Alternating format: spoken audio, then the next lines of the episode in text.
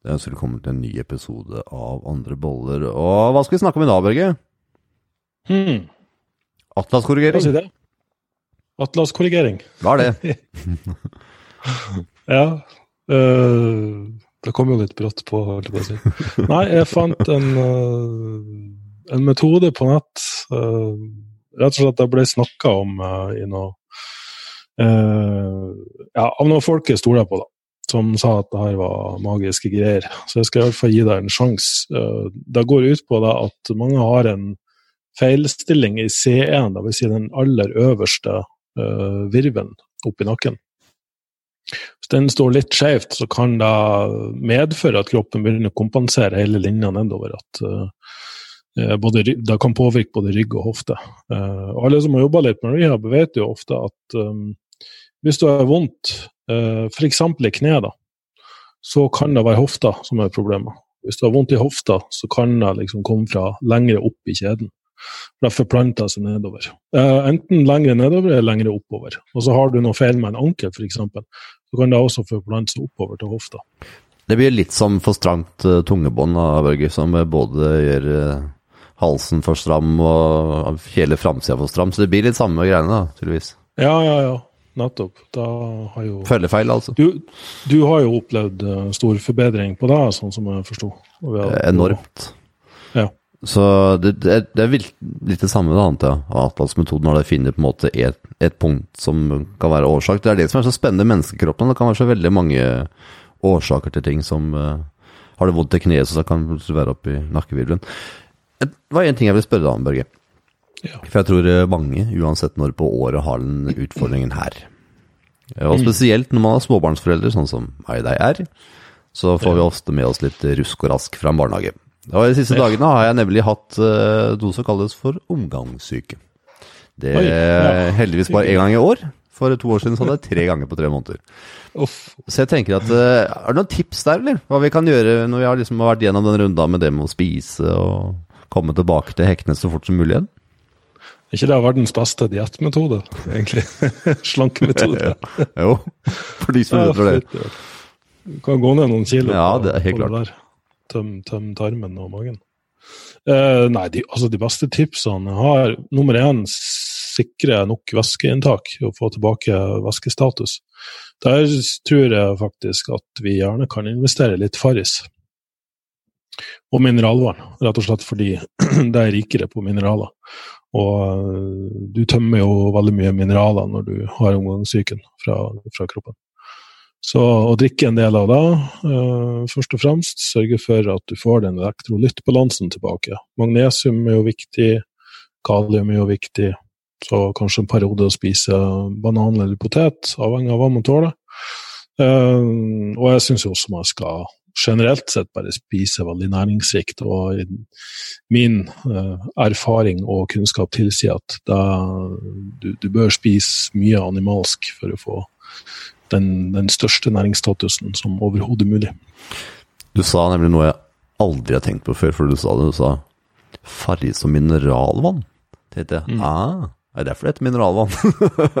Ja, ja det kommer fra, underjordiske kilder, og der eh, har det eh, rent gjennom bergarter og dratt med seg mye mineraler. Så, så det er ganske mye rikere det enn det som kommer fra eh, de typiske drikkevannskildene, som er vann, eh, der det kommer ned fra fjellet eller fra nedbør. Så eh, eksempel Farris bris, eller hva det enn måtte være, da, er det da mer eh, mineralholdig enn vanlig vann fra springen, eller? Ja, det, det er det.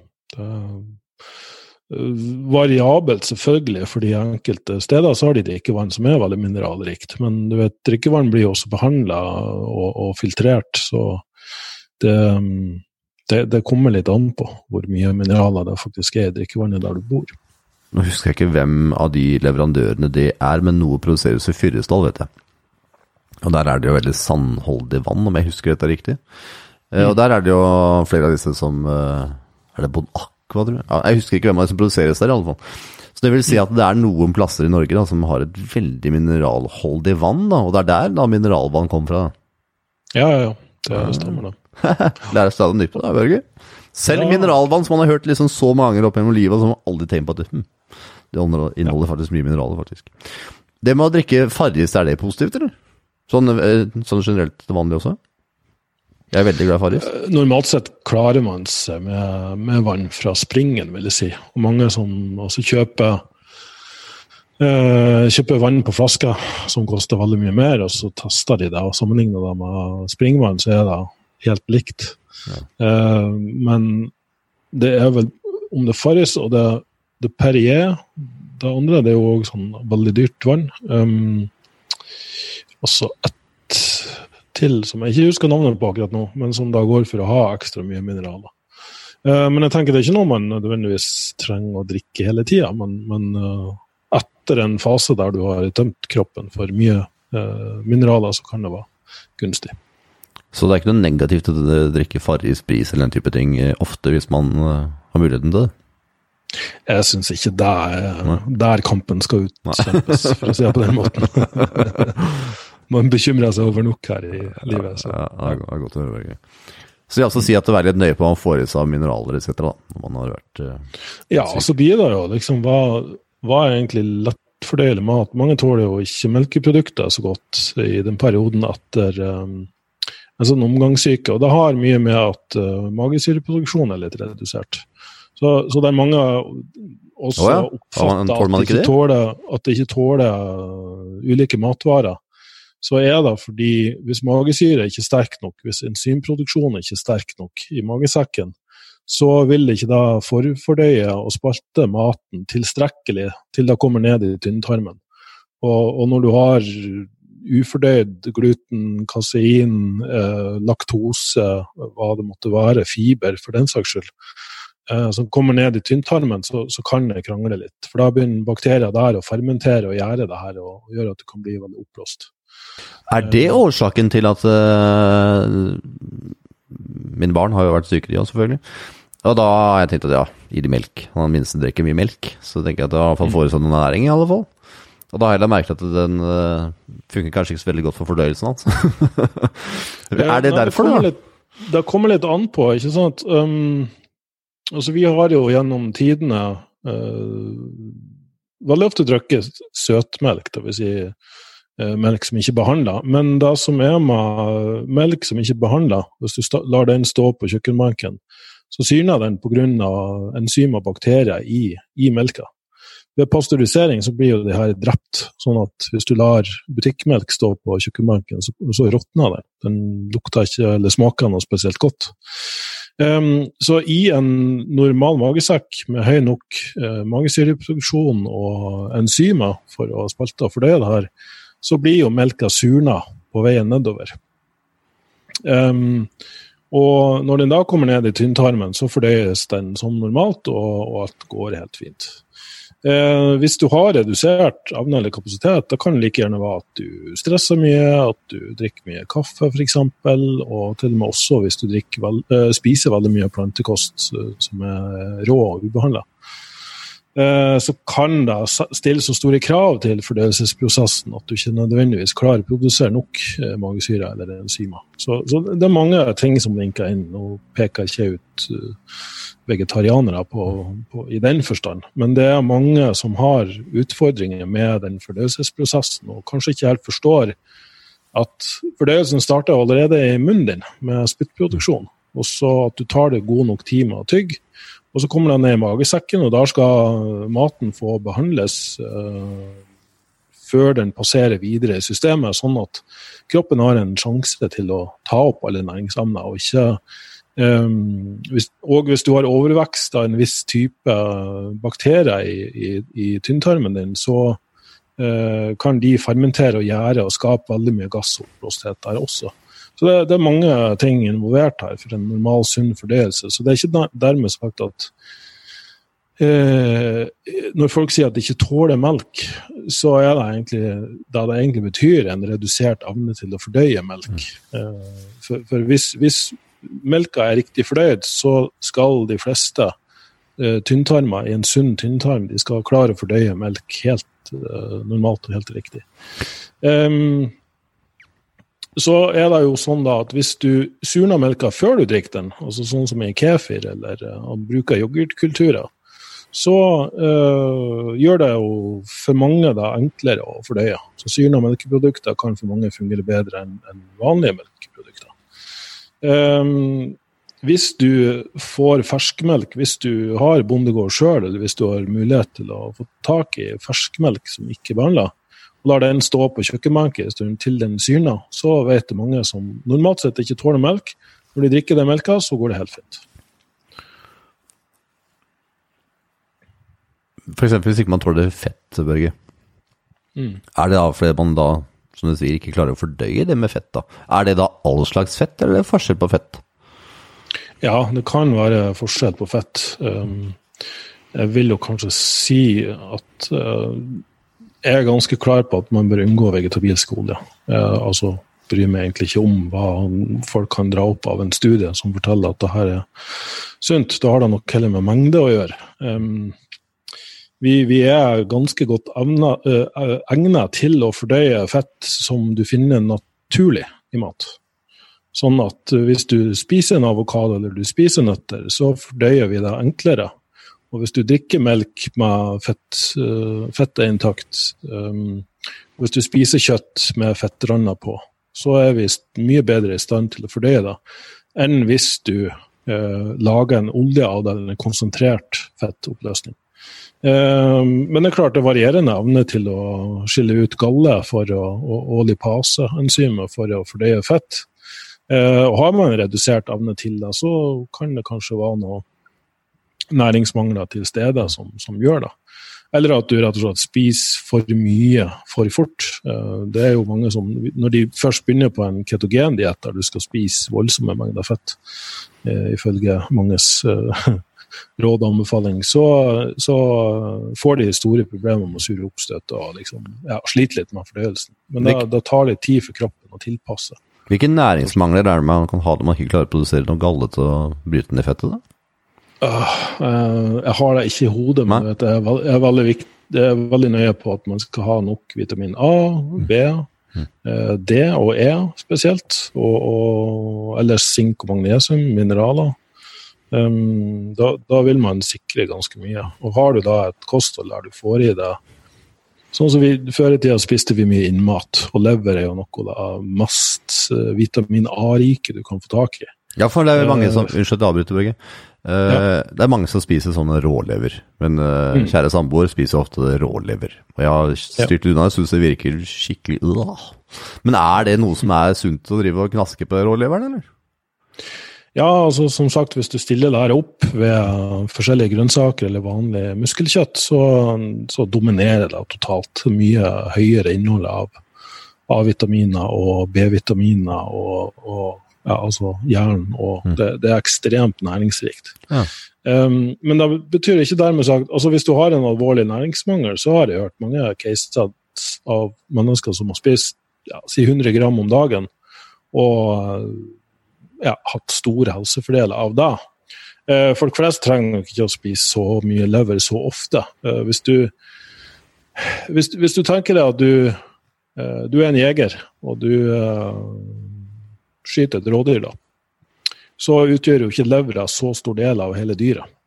Men det var veldig vanlig, og har vært det gjennom mange kulturer, at det første du spiste på, på Eh, da, du, da, da, dyret du jakta, det var lever. Hjerte og lever, da? Ja, hjerte og lever. For det er det mest næringsrike. Eh, hjertet er jo rikt på taurin, som er i aminosyrer, som er veldig viktig for vårt eget hjerte.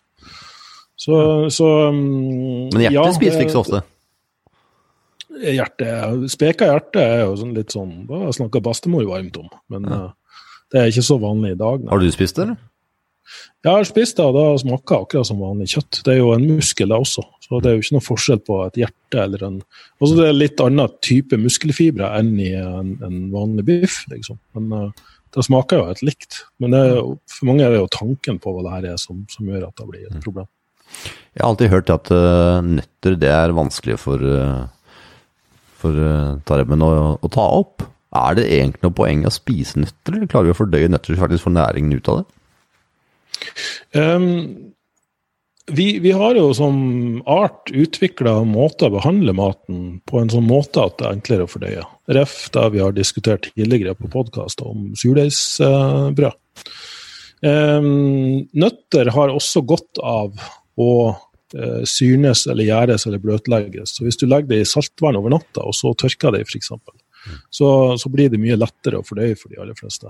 Men prøv også å tenke på det her tror jeg er veldig bra å ha som kostholdsfilosofi. Prøv å tenke på Hadde du for Ja, hvis, hvis du bodde på Farmen, da.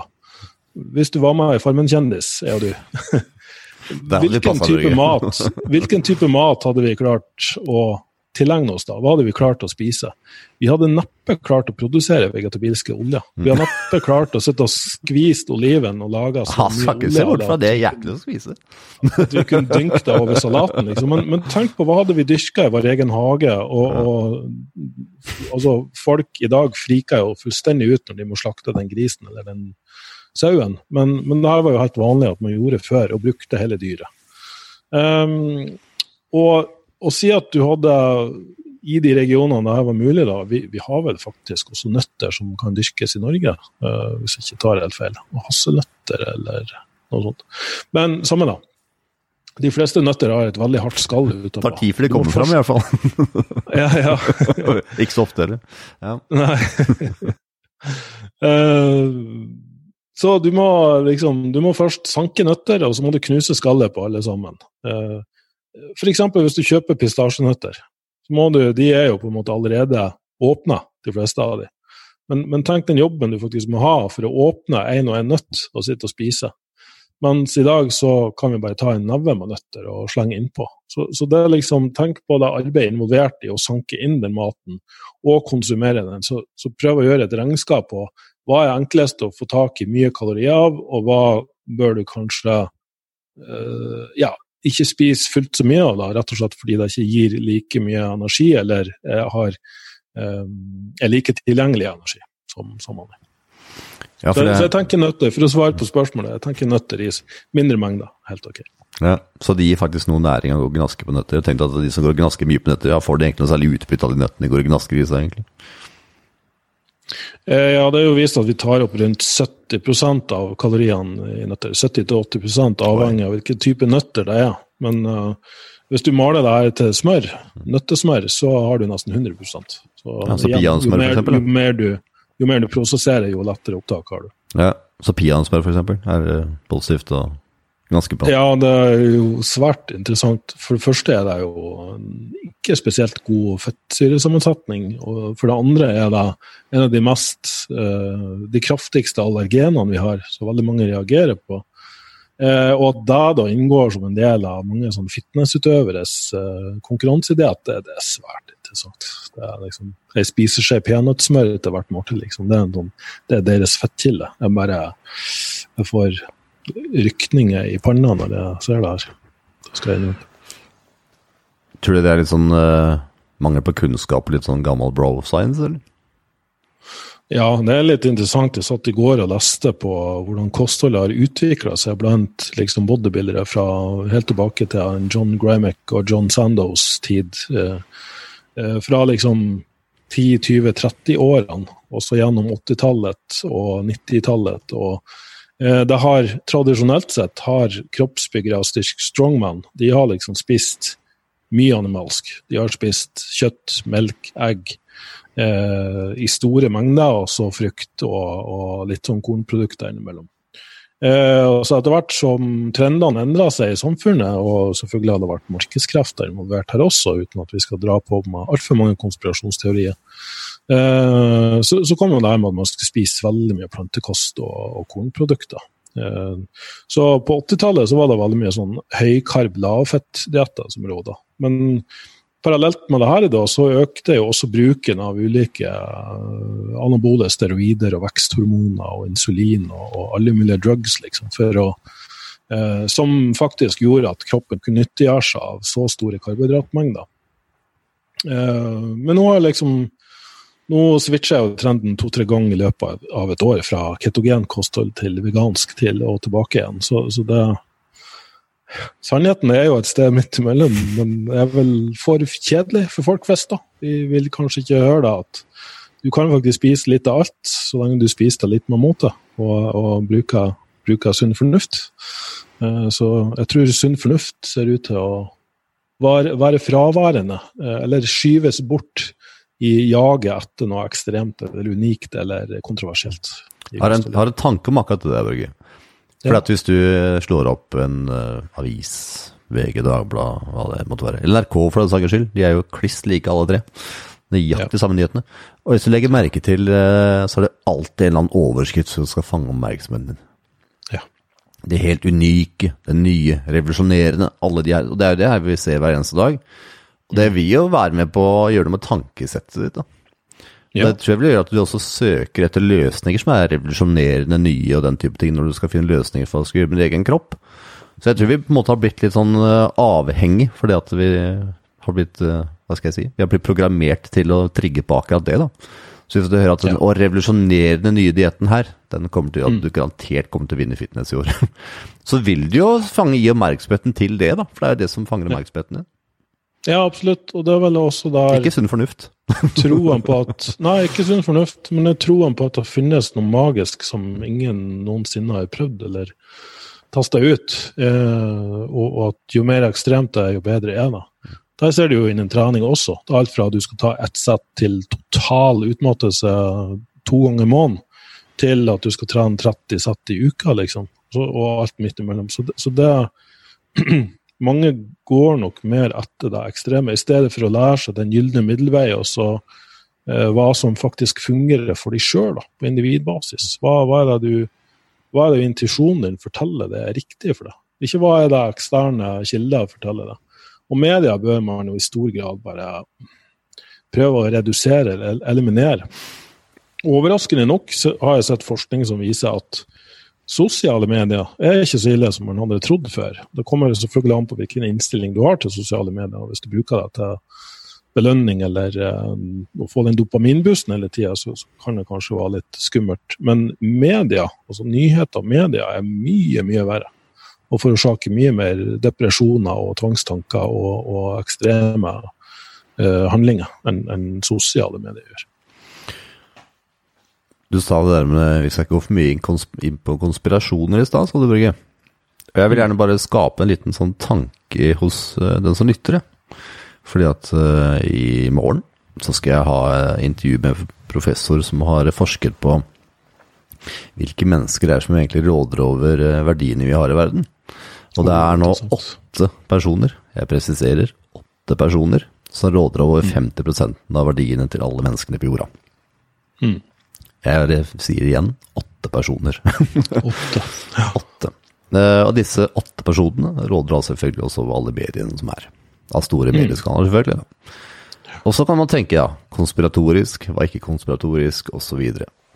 så hvis man prøver liksom å løfte opp i blikket sitt litt, da, og jeg tenker at uh, andre boller handler om å løfte opp blikket og få oversikt og sunn fornuft og tenke og slippe utsida av det, det, man leser, i alle fall. Det er vel det vi ønsker å oppnå, Børge, at man prøver å tenke litt selv og prøve å skape litt tanker, da.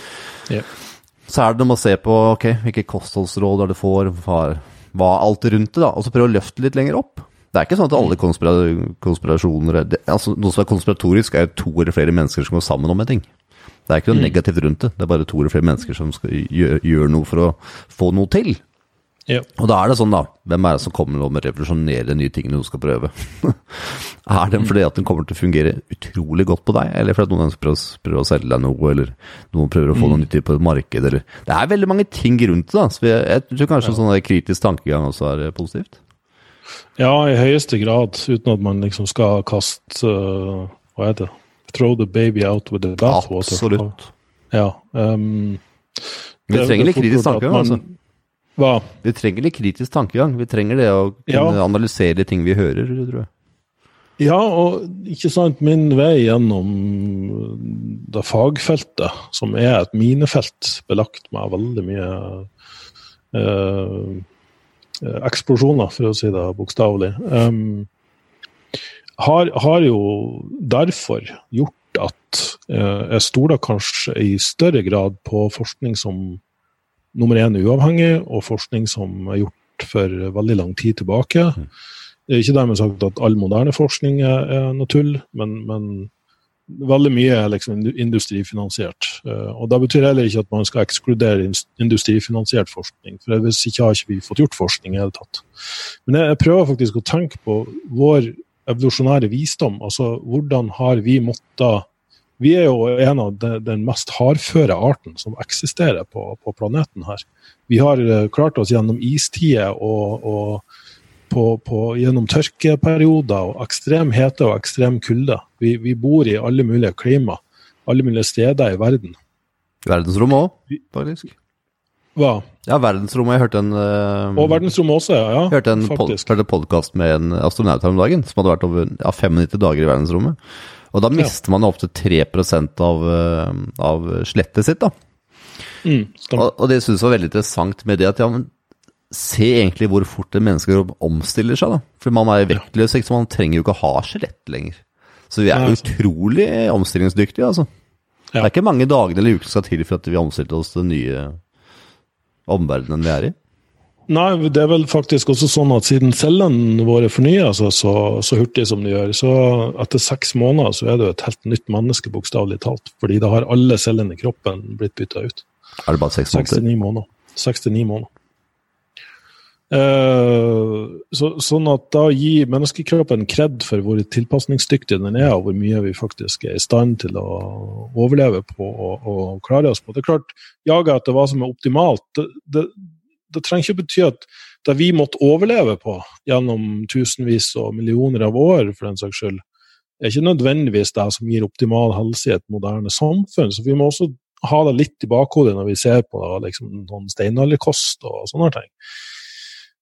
Men det jeg, jeg tenker vi har mer å lære av hvordan mennesker har tilberedt og konsumert mat uh, når de har hatt tilgang på mat, selvfølgelig. Um, det har jo vært sesongbetont. De har brukt tradisjonelle tilberedningsmetoder både med varmebehandling, syring, gjæring, speking. Uh, alt det her har jo en funksjon. Vi har jo oppdaga og lært for uh, lenge siden at da følte vi oss bedre, vi presterte bedre, vi hadde bedre helse. Men, men, altså De har funnet kreft i mumier som er flere tusen år gamle, så, sånn at vi var ikke fullstendig friske og, og skuddsikre back den heller, altså. På, på ingen måte. Så, så, vi har nok fremdeles mye å lære, men, men jeg prøver alltid å beholde den visdommen fra våre forfedre i, i de kostholdsanbefalingene. Jeg må anbefale deg en podkast du må høre på, Børge. Den heter. The Portal. Uh, og den er med en som heter Erik Weinstein, og han er vel en av verdens mest oppegående matematikere. Det som er med han, at han er utrolig smart fyr som er flink til å formidle kunnskap, og der uh, prater han i en episode med sin bror, som er innenfor hvordan vi evolusjonsmessig har utviklet oss. Og han skrev en, han skrev en en doktoroppgave, tror jeg, for mange år siden, som handler om det med faktisk det med at vi trenger å ha kreft i, i, i en kropp, da. For, og i alle, i alle, slags dyr, egentlig. Fordi at mm. ellers hadde vi på en måte levd evig. det er på en måte ja. en sånn måte at, at vi, vi, stopper å fortsette å eksistere på. Derfor trenger vi nemlig kreftceller. Ja, jeg tror vi og jeg anbefaler å sjekke den episoden. Det var og... veldig interessant å høre på hvordan, hvordan evolusjonsmessig forklarer rundt det med kreft. Ja, The Portal, ja. Den, den, skal jeg sjekke ut. Men det gir jo mening. altså Vi er jo den eneste arten som bevisst gjør alt vi kan for å omgå naturens gang. Eh, du, du, kan gjerne altså Et moderne menneske kan eh, liksom eh, få frysninger når de ser eh, ei løve som jakter ei antilope, eller en alligator som tar en, en hund, liksom. Det er forferdelige greier og grusomt å se på. Men her har vært naturens gang så lenge planeten har eksistert. Når vi nå i større grad prøver å forflytte oss utenfor det kretsløpet og, og, skal begynne å manipulere det, ikke minst Vi skal, vi skal redde dyrearter fra å bli drept naturlig. Så, så kan det hende, hvis ikke helt sikkert, for jeg tror mennesker gjør veldig mye godt for planeten også, men jeg tror veldig mye handler om vrangforestillinger og, og um,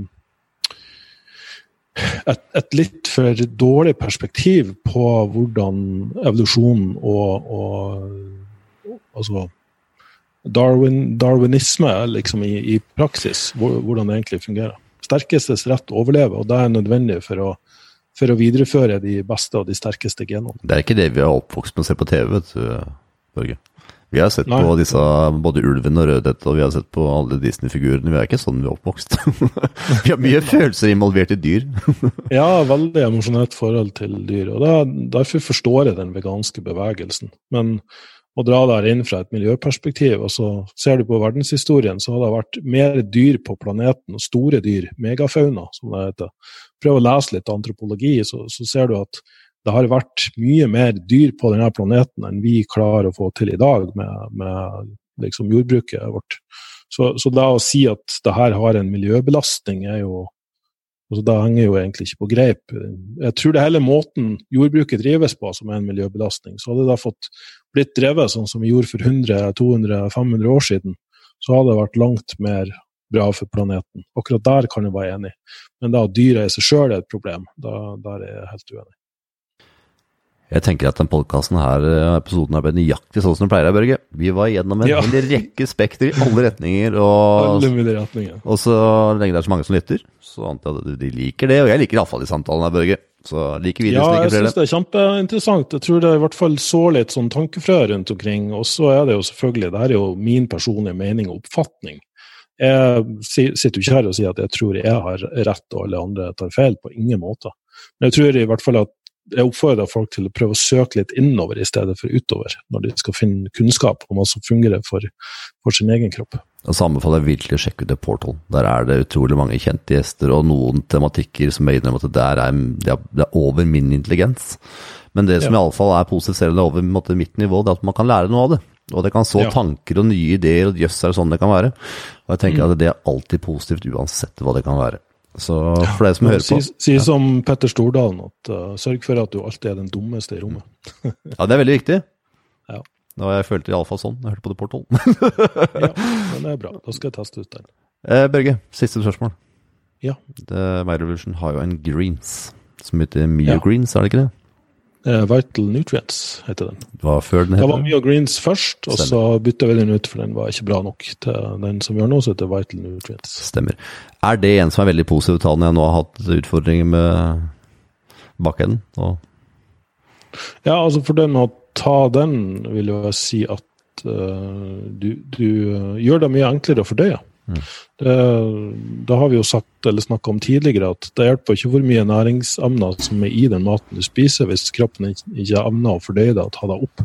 Mm. Og Da kan det være ulike utfordringer der som gjør at det er vanskelig. Men, men får du et ekstrakt i pulverform, så vil det jo for de fleste være mye enklere å ta opp. i Mm. hvert fall. da skal jeg med en gang få lagt inn bestilling på det, Børge. Ja.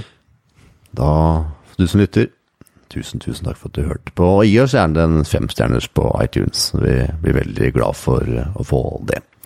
ja. Inntil neste gang, Børge. Ha en Yes. fin dag, og send oss gjerne forslag på podcast at myrevolution.no. Ha det bra. Ha det bra.